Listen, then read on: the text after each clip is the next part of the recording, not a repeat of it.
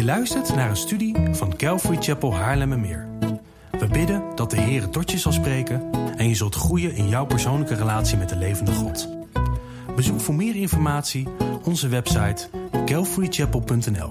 Dat is c a l v a r y c h a p e l.nl.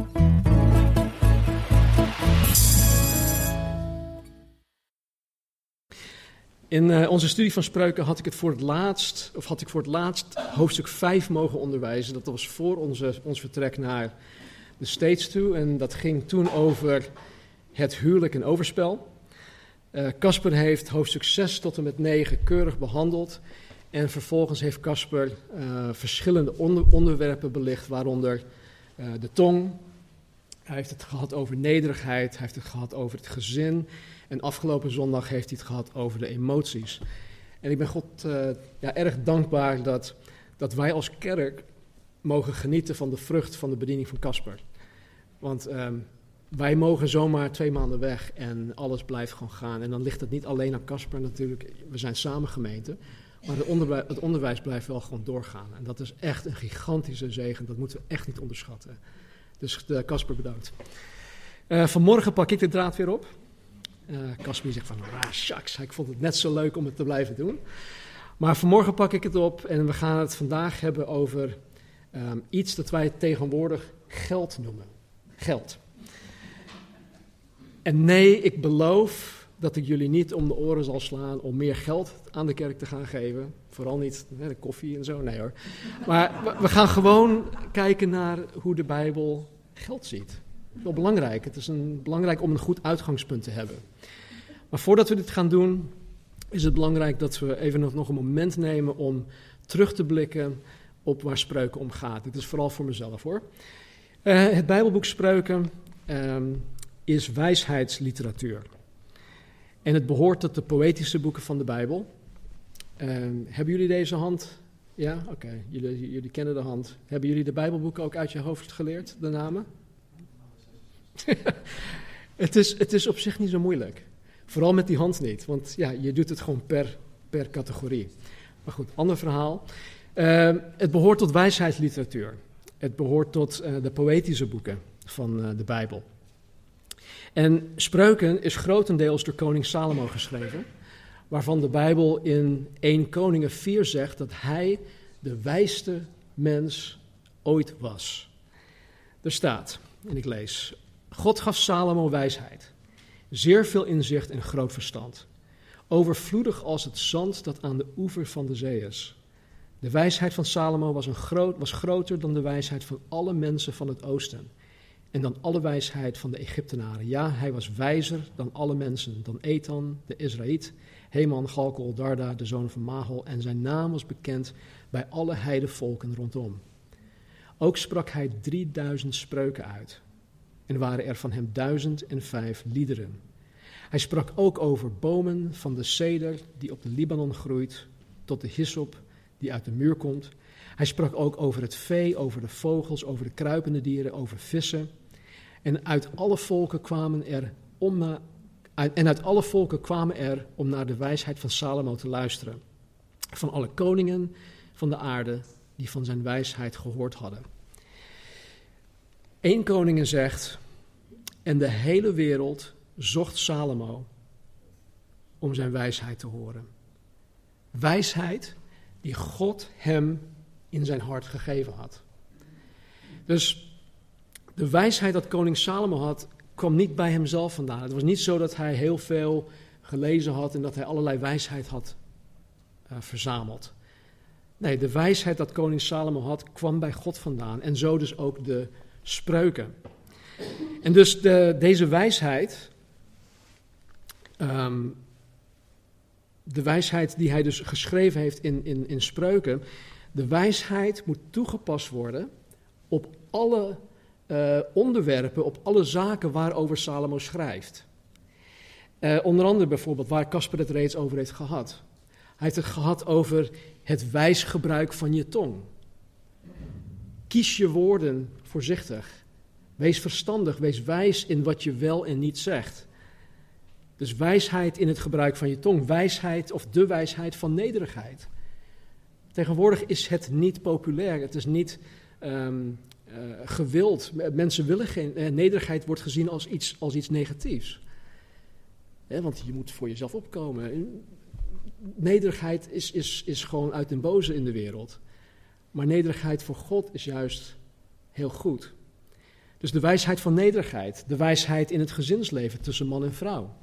Wijsheid als ouders, ouder-kindrelatie, kinderen in het gezin. De wijsheid over hoe je om moet gaan met je emoties, wat we vorige week hebben geleerd. Leiden jouw emoties jou of leidt God jou in jouw emoties? Dus de wijsheid die Salomo geeft, kan en hoort toegepast te worden op alle facetten van het leven, op alles waar hij over schrijft. Het is de wijsheid van God dat ons op al deze gebieden helpt om Gods allerbeste voor ons te gaan ontdekken. De wijsheid helpt ons om Gods allerbeste te gaan ontdekken, om Gods allerbeste te kiezen en Gods allerbeste te doen. En zo vanmorgen wil ik jullie een, een wegenkaart aanbieden. Uh, ik wil jullie de weg wijzen naar hoe wij Gods wijsheid horen toe te passen op het gebied van geld. Dus vanmorgen krijgen we alleen maar, of alleen maar, het is best wel belangrijk, we, krijgen vanmorgen een, een vertrekpunt. Nou, omdat geld in de Bijbel met, met heel veel zaken te maken heeft, kunnen wij vanmorgen slechts ja, het tipje van de sluier oplichten. Uh, daarom zei ik net van, ik, ik, ga jullie vandaag alleen maar de weg wijzen. Uh, de rest is eigenlijk aan jullie om het zelf te gaan onderzoeken. En dan hoop ik ook echt dat jullie het gaan doen. Nou, volgens bijbelleraar en auteur, een zekere Randy Alcorn, sprak Jezus tijdens zijn driejarige bediening hier op aarde veel over geld en over bezittingen. 15% van alles waar Jezus het over had, ging over geld en bezitting, bezittingen. Jezus sprak trouwens meer over geld en bezittingen dan zelfs over gebed meer dan geloof, meer dan hemel en hel samen. Daar moeten we toch iets mee doen, daar moeten we toch echt gaan opletten. Hoe de God van de Bijbel geld en bezittingen ziet, is, is zo belangrijk voor God zelf. En het is belangrijk voor Gods kinderen dat er zo'n 2400 Bijbelteksten over geld en bezittingen in de Bijbel staan. Zo'n 800 expliciet over geld. Al dus deze Randy Alcorn. En ik raad je ook echt aan om, om zijn boek te lezen. Dat heet ehm, Verborgen Rijkdom in het Nederlands, met een subtitel als uh, Ontdek het geheim van vreugdevol geven. Het gaat niet alleen om, om geven, maar het, het, het gewoon echt alles over financiën. Uh, het is moeilijk te krijgen in het Nederlands. In het Engels heet het uh, The Treasure Principle, Unlocking the Secret of Joyful Giving. Maar het is echt een aanrader het onderwerp geld en bezitting is voor God en voor zijn kinderen dus heel belangrijk. Maar als je alle 31 hoofdstukken van spreuken leest, dan kom je het in het Nederlands vertaald woord geld slechts één keer tegen. Eén keer. Dus waar heb ik het over? Als het zo belangrijk is, waarom komt geld alleen maar één keer voor? Nou, wat je wel tegenkomt, zijn andere woorden die het idee van geld uitdrukken. Woorden zoals zilver, goud, rijk, rijke of rijken, rijkdom, arm, armen, gebrek, bezit, bezittingen, schatkamer. Hebben allemaal met geld te maken. Ook zal je woorden, of, dat, dat is allemaal een, manier van eh, hoe je geld uitdrukt. Ook zal je woorden tegenkomen, die aan geld gerelateerd, gerelateerd zijn. Woorden zoals losgeld of geldbuidel, winstbejag, buit, eerstelingen, opbrengst, borg, handslag, lenen en leningen. Alle verzen in het boek Spreuken waarin deze woorden voorkomen, hebben met geld te maken. En zoals ik al eerder zei, gaan we vanmorgen niet in op, op specifieke voorbeelden. Ik haal aan het einde wel, wat dingetjes aan. Maar de bedoeling is om jullie een, een, een, een appetizer te geven. Als je naar een restaurant toe gaat, dan krijg je altijd het aanbod van, willen, je, willen jullie een voorafje? Nou, een, een appetizer, uh, aperitief, is dat hetzelfde of niet? Aperitief is een drankje, toch? Weet Anyway, een voorafje, voorgerecht. Uh, en het, het, is, het is bedoeld om, om je, je eetlust naar meer van het woord van God op te wekken. Dus uh, ja, een van de dingen die mijn voorganger vaak zei was dit. Het woord van God zal je eetlust naar meer van het woord van God in je opwekken. Met andere woorden, hoe meer je het woord van God leest en hoe meer God zijn woord aan jou openbaart terwijl je het leest, hoe meer je het wil gaan lezen. Het, het werkt aanstekelijk, het, het wekt een bepaalde honger in jou op. Dus als je geen trek in het woord van God hebt, dan kan het heel goed zijn dat je je Bijbel simpelweg niet elke dag opent en biddend leest. Dat je misschien al vol bent van iets anders.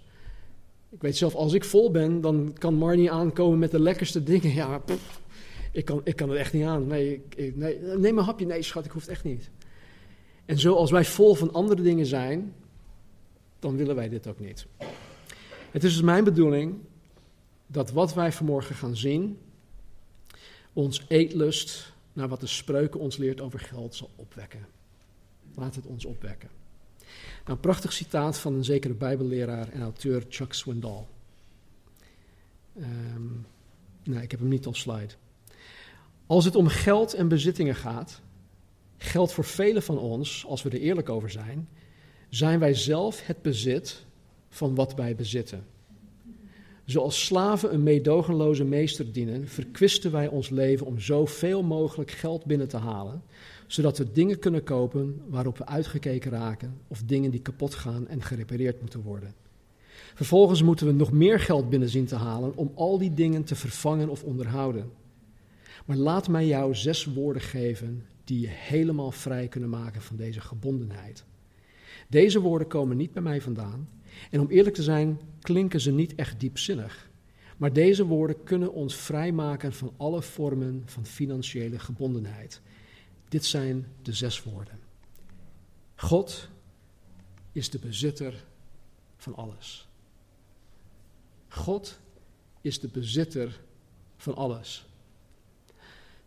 De Bijbel leert ons dat, dat God letterlijk de bezitter van alles is. Alles in hemel en op aarde. Alles. En voor sommigen van jullie is het misschien een, een hele nieuwe openbaring, voor anderen is het misschien van ja, nou dat weet ik al. Maar laat het even heel goed tot je doordringen. God is de bezitter van alles. Wat betekent dat dan voor ons? Het heeft consequenties. En daar gaan we zo meteen naar kijken. In Exodus 19, vers 5 zegt God tegen Mozes: Heel de aarde is van mij. Heel de aarde is van mij. Dus wat op aarde is niet van God. Niks. Want heel de aarde is van, van mij, zegt God. Even verderop in Deuteronomium 10, vers 14. Zegt, zegt, zegt Mozes dit tegen het volk. Zie, van de Heere uw God is de hemel. Zie, van de Heere uw God is de hemel. Ja, de allerhoogste hemel de aarde en alles wat erop is. Alles is van God. In Job 41:2 zegt God tegen Job: Wat onder de hemel is, is van mij. In Psalm 24:1 De aarde is van de Heere en al wat zij bevat, de wereld en wie er wonen. Dus nogmaals, de aarde is van de Heere en al wat zij bevat, de wereld en wie er wonen. En Paulus die citeert dan een aantal stukjes vanuit uh, het Oude Testament en zegt in 1 Korinthe 10 vers 26, van de Heere immers is de aarde en haar volheid. Van de Heere is de aarde en haar volheid. En dan komt er een hele mooi, heel mooi vers uit Psalm 50 vers 10. God zegt tegen, tegen, um, tegen de psalmist, al de dieren in het woud zijn van mij. Al de dieren in het woud zijn van mij. En dan zegt hij, de dieren op duizend bergen. In het Engels staat er, the cattle on a thousand hills. Nou, het is mij duidelijk dat de Bijbel ons leert dat, God, dat de God van de Bijbel de bezitter van alles is. Wat in Psalm 50:10 voor ons vandaag van belang is, is dat de Bijbel zegt dat alle dieren in het woud van God zijn. En de dieren op duizend bergen. De dieren op duizend bergen spreekt van, van runderen, het spreekt van vee. Het is niet zo dat het om beren gaat of uh, puma's of uh, noem maar wat. Het gaat echt om runderen, om vee. En duizend bergen is niet letterlijk een beperkt aantal van duizend. Nee, God heeft alleen maar de dieren van op duizend bergen en de rest van de bergen is niet van hem. Nee, hij, hij, het, is, het is spreekwoordelijk. En, en, en uh, God zegt hiermee dat hij de bezitter van alles is. Duizend bergen is spreekwoordelijk gewoon voor alles. Hij bezit alles.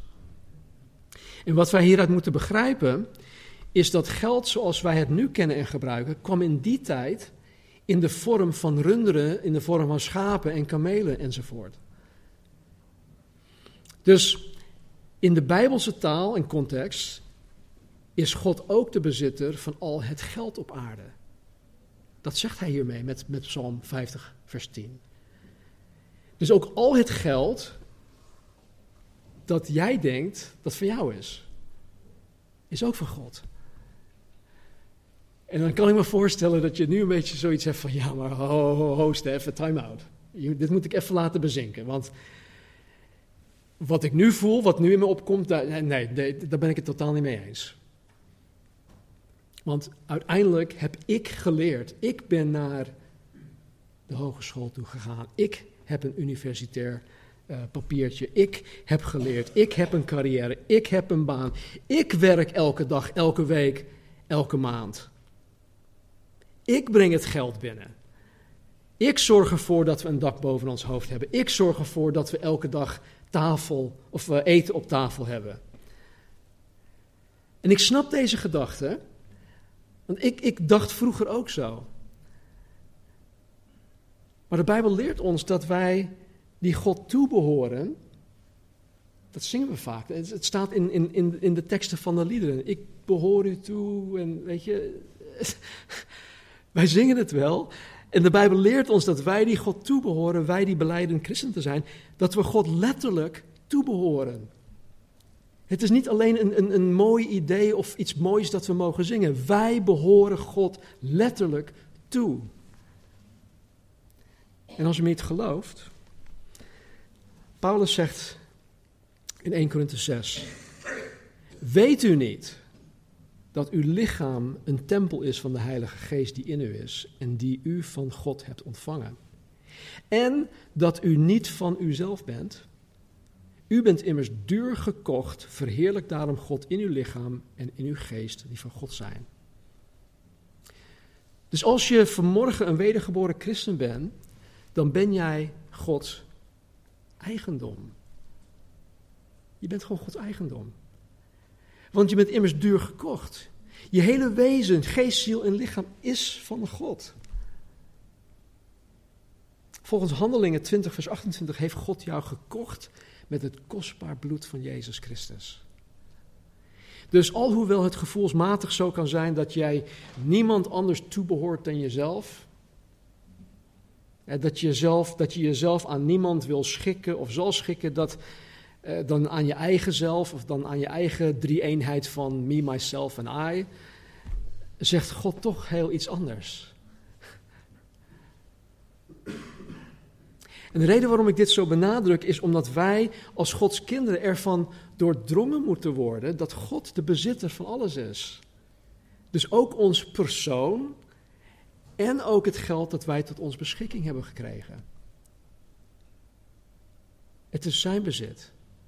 Dus om terug te komen op de vraag die ik gisteren via WhatsApp heb gesteld over uh, wiens geld het is dat gehuurde koppels op de rekening hebben staan. Stel dat je gehuurd bent en uh, man heeft een rekening, vrouw heeft een aparte rekening. Man zegt ja, maar wat op mijn rekening staat is voor mij. En vrouw zegt ja, maar wat op mijn rekening staat is voor mij. Of is dat van ons allebei? We hebben ook een gezamenlijke rekening. Van wie is dat geld nou eigenlijk?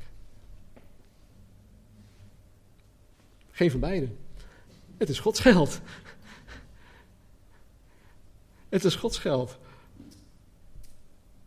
Al het geld dat jij en ik tot ons beschikking hebben, is niet van ons.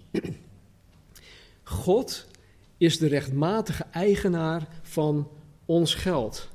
En wij, wij zijn Gods vermogenbeheerders.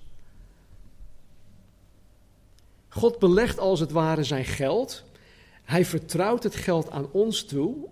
En hij wil dat wij betrouwbare managers zijn van zijn geld. Daar komt het uiteindelijk op neer. En deze waarheid moet ons nu niet in opstand laten komen door te gaan denken dat dit, uh, ja, dit is oneerlijk, dit is kolder, uh, of dat je dit helemaal niet wil. Het is juist bevrijdend. Dit is echt bevrijdend. Omdat God de bezitter van alles is, heeft God oneindige middelen tot zijn beschikking. En hij kan en hij wil deze middelen gebruiken om ons in al onze noden te voorzien, dat is één. En hij wil al deze middelen gebruiken om ons bijzonder rijkelijk te zegenen.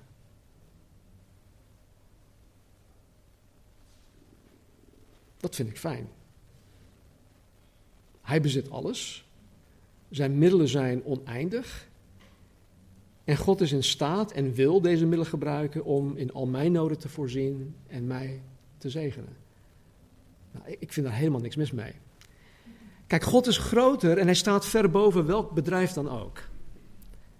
Ik heb jarenlang heel veel vertrouwen in een bedrijf gestopt.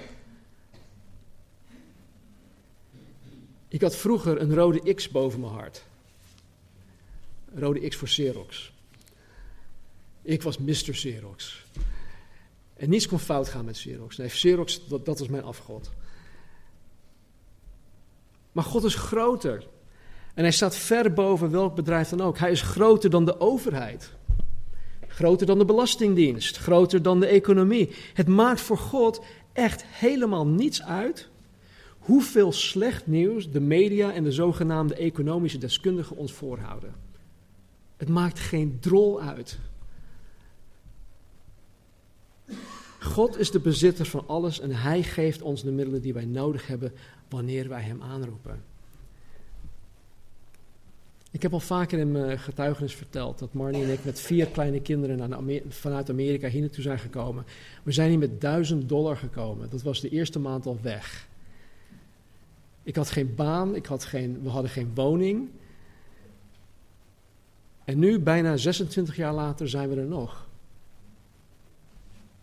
Hoe kun je dat verklaren? Behalve dat God de bezitter van alles is en dat Hij in alle dingen voorziet. Het is aan God om voor ons te zorgen. Het is aan ons om God boven alles te plaatsen. En onszelf geheel aan Hem over te geven, zodat wij God niet in de weg staan. Ik ben mijn eigen grootste vijand. Ik sta God zo vaak in de weg. Dat God iets, iets in mijn leven wil doen of door mijn leven heen wil doen. Dat Hij zichzelf groot wil, laten, eh, groot wil laten tonen in mijn leven. En dan sta ik in de weg. Omdat ik denk het beter te weten. God wil dat wij op Hem vertrouwen en niet op geld. Kijk, het is natuurlijk een, een zeer mooi sentiment als wij met z'n allen beweren en beleiden dat God de bezitter van alles is. En dat ons geld niet van ons is, maar van Hem. Maar de vraag is, ja, hoe, hoe ziet dit eruit in de praktijk? Hoe ziet het eruit dat God de bezitter is van alles en dat het geld wat ik nu in mijn, ja, in mijn portemonnee heb of op de bankrekening heb staan, dat dat niet van mij is? Hoe, hoe ziet dat eruit? Hoe geef ik dit handen en voeten? Hoe moet ik nu anders omgaan met geld? Hoe moet ik ehm, nu anders gaan beslissen over mijn financiën? Over hoe ik geld uitgeef, aan wie en aan wat? Hoe moet ik nu gaan denken over hoe ik mijn leven indeel, over hoe ik mijn prioriteiten stel? Kijk, als je God vanmorgen door zijn woord gehoord hebt, dan, dan, dan, dan, roept dit bij jou vragen op. Het kan niet anders. Ik zie jullie allemaal denken. Dit moet gewoon vragen of, of, of weerstand. Het moet iets in jou doen. En ik denk ook dat jullie misschien met deze vragen zitten. Hoe ziet dit eruit in de praktijk? Dat zijn hele goede vragen. En hierin komt de wijsheid dat God ons in het Bijbelboek, Bijbelboek Spreuken geeft.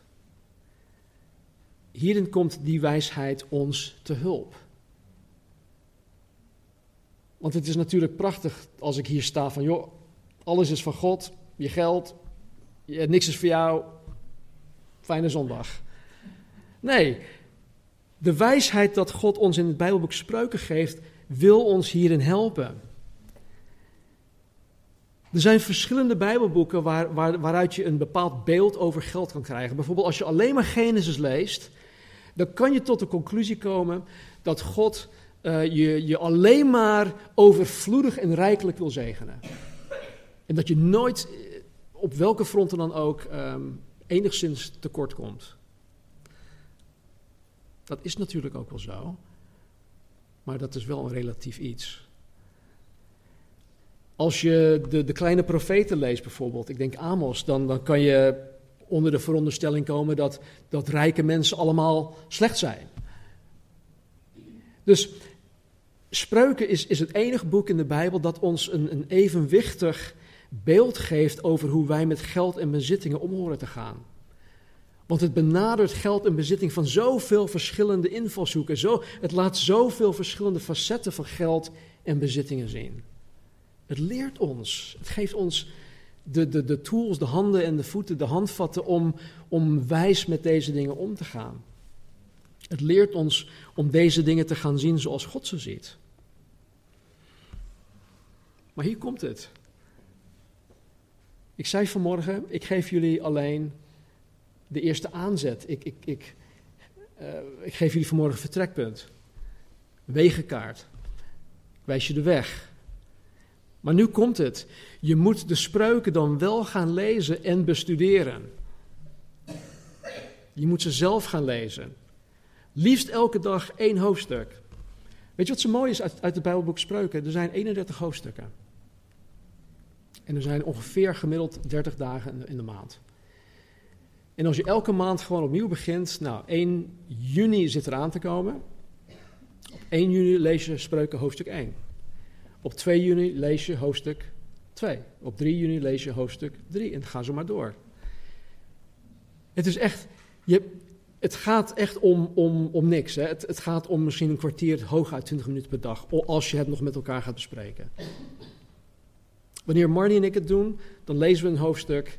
Ik lees het dan in het Nederlands, zij leest het in het Engels. Zij gaat het vanaf nu, nu ze Nederlander is, ook in het Nederlands leren, hoor ik. um,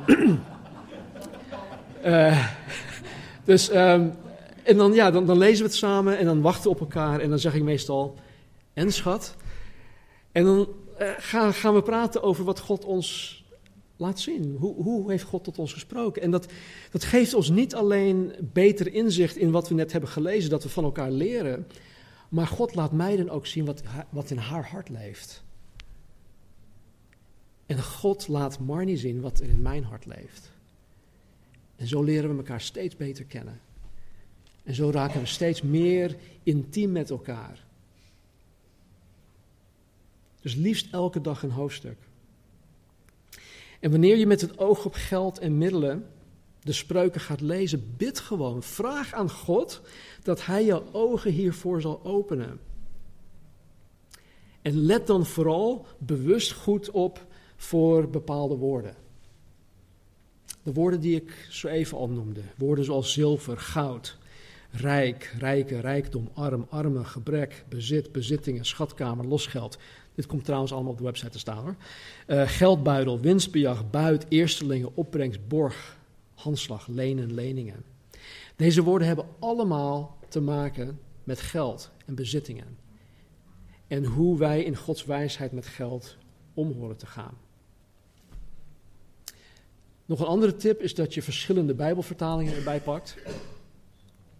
Als je, wat, wat, ik, wat ik gebruik is best wel handig. Um, je moet, lid, je moet, je moet lid zijn van het Nederlands Bijbelgenootschap, denk ik. Is dat? Ja. En dan betaal je iets van 3 euro per maand of zo voor. Maar die hebben bijna alle Bijbelvertalingen op één website staan. de herziene staatvertaling, Willy Broert, ehm, Nieuwe Bijbelvertaling, Bijbelgewone taal, um, Groot Nieuwsbijbel, NBG, die staan er allemaal bij. Die kun je allemaal gewoon naast elkaar hebben staan, open hebben staan op één, in één uh, venster. En dat is wel handig, want dan kan je gewoon zien hoe het, hoe het, hoe het um, uh, in andere Bijbelvertalingen staat. Het is belangrijk omdat sommige uh, ja, net een andere nuance geven, wat jou op, op dat moment misschien meer aanspreekt. Bijvoorbeeld dit. Spreuken hoofdstuk 9, uh, sorry, hoofdstuk 3, vers 9 en 10. Staat hier? Ja. Er staat vereer, dit is vanuit de herziene statenvertaling, vereer de Heere met je bezit, met de eerstelingen van heel je opbrengst. Dan zullen je schuren gevuld worden met overvloed en je perskuipen overlopen van nieuwe wijn. Uh, en dan uit Groot Nieuwsbijbel. Dezelfde verse. Eer de Heer met het beste van de oogst. Geef hem van je rijkdom. Dan zullen je voorraadschuren niet leeg raken en je kuipen met wijn zullen overlopen. Het, het wordt net iets anders verwoord. Het komt uiteindelijk op hetzelfde neer. En ondanks dat wij op, althans denk ik, ik neem aan, dat wij geen, um, hoe heet dat, uh, perskuipen hebben, of dat wij geen schuren hebben of voorraadschuren hebben. Het gaat erom, uh, wat is je vermogen? Het gaat om je vermogen, het gaat uiteindelijk om geld. En je zal overlopen. Nou, de volgende is Spreuken 11, vers 24. Um, nogmaals, de herziene statenvertaling. Er zijn er die mild uitdelen en nog meer ontvangen. En er zijn er die meer inhouden dan rechtmatig is, maar het is tot gebrek. Nou, uit de Willibrord vertaling, dezelfde vers. De een deelt rijkelijk en krijgt steeds meer, de ander houdt ten onrechte achter en wordt almaar armer. En dan vanuit de Bijbel gewone taal. Mensen die geld weggeven worden steeds rijker, maar gierige mensen worden steeds armer. Dus als je al die, al die Bijbelvertalingen bij elkaar brengt, dan krijg je een, een ja, toch een, een, een duidelijker beeld. Althans, dat, zo werkt het wel bij mij. En dan spreuken 15, vers 6, nog een voorbeeld. Nogmaals vanuit de herziene statenvertaling. In het huis van een rechtvaardige is grote rijkdom, maar in het inkomen van een goddeloze is verval. Een groot nieuwsbijbel, het huis van een rechtvaardige is vol kostbare schatten. Wat een slecht mens verwerft, brengt hem geen geluk. De NBG, in het huis van de rechtvaardige is een grote schat, maar het gewin van de goddeloze brengt vernieling. En dan uit de eh, Bijbel gewone taal. Goede mensen hebben een rijk leven, maar slechte mensen krijgen alleen maar ellende. Zie dus, het, het geeft je een, een, een, duidelijker beeld als je meerdere Bijbelvertalingen erbij had. En het geldt niet alleen voor spreuken, dat geldt voor alle, alles wat je leest. Ik probeer elk jaar uh, vanuit een andere Bijbelvertaling te lezen.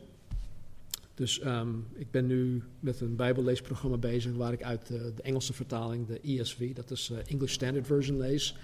En dan volgend jaar pak ik weer een andere vertaling. Dus zo ja, kom je toch soms, soms nieuwe dingen tegen. En God spreekt elke keer opnieuw tegen je. Nou goed, dit zijn slechts enkele voorbeelden. Ga er alsjeblieft mee aan de slag. Ik weet het, we hebben het allemaal druk. We worden geleefd door de maatschappij. Maar wie van ons kan geen kwartiertje of half uur per dag missen? Je gaat er echt niet dood van.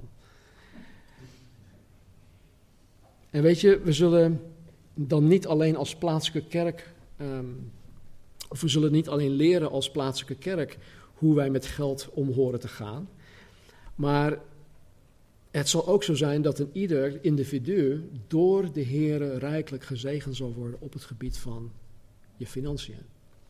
Het is echt zo. Weet dat God de bezitter is van alles, dus ook je geld. Weet dat jij niet van jezelf bent. Je bent immers duur gekocht. Verheerlijk daarom God in jouw lichaam en in jouw geest, die van God zijn. Laten we bidden. Hemelse Vader, dank u wel dat u goed bent, dat u trouw bent, dat u geen fouten maakt. Totaal geen fouten maakt. Geen enkele fout maakt. Dank u dat u altijd het allerbeste voor ons voor ogen hebt. Dank u dat u het allerbeste voor ons in petto heeft. En dank u wel dat u ons door Salomo heen uw wijsheid hebt gegeven. Dank u wel voor dit prachtig vertrekpunt. Vader, dat u de bezitter bent van alles. Dat u ons bezit. Tussen aanhalingstekens, ons geld. Leer ons, Vader, alstublieft. Met geld om te gaan, met onze bezittingen om te gaan, hoe u dat wilt. En heren, waar wij, ja, misschien in het, verleden, misschien zelfs tot op de dag van vandaag, gewoon slecht omgaan met geld. Vader, vergeef het ons en help ons daarbij. Help ons om vanaf vandaag anders naar geld te gaan kijken. Geef ons uw ogen, uw wijsheid, uw hart. Om geld te zien, om met geld om te gaan. En Heer, spreek tot een ieder van ons vanuit de spreuken. Bewegen ieder ertoe, Heer, om vanaf vandaag of misschien vanaf morgen onze Bijbels open te slaan. Om de spreuken te gaan lezen.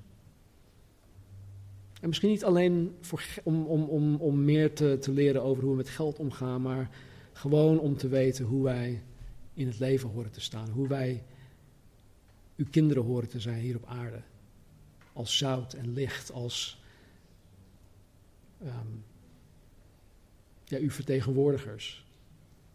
Zodat we geur van Jezus Christus mogen verspreiden overal waar we komen. Dank u wel, Heer. Dank u wel voor vandaag. Dank u wel voor een ieder die gekomen is. Dank u wel dat uw woord nooit ledig tot u terugkeert. Maar dat u altijd uw doel bereikt wanneer uw woord voortgaat. Dus Heer, zegen ons, zegen ons allen. Heer, met uw aanwezigheid in ons leven. Met uw leiding, met uw geest, met uw woord. Trek ons allen dichter naar u toe. Laat dit woord van vandaag geen schuldgevoelens bij ons opleggen. Maar geef ons, Heer, daarentegen, geef ons rust en vrede in ons hoofd. Bevrijd ons, Heer, van de gebondenheid van de afgod dat geld kan zijn. Dat vragen we in Jezus' naam. Amen.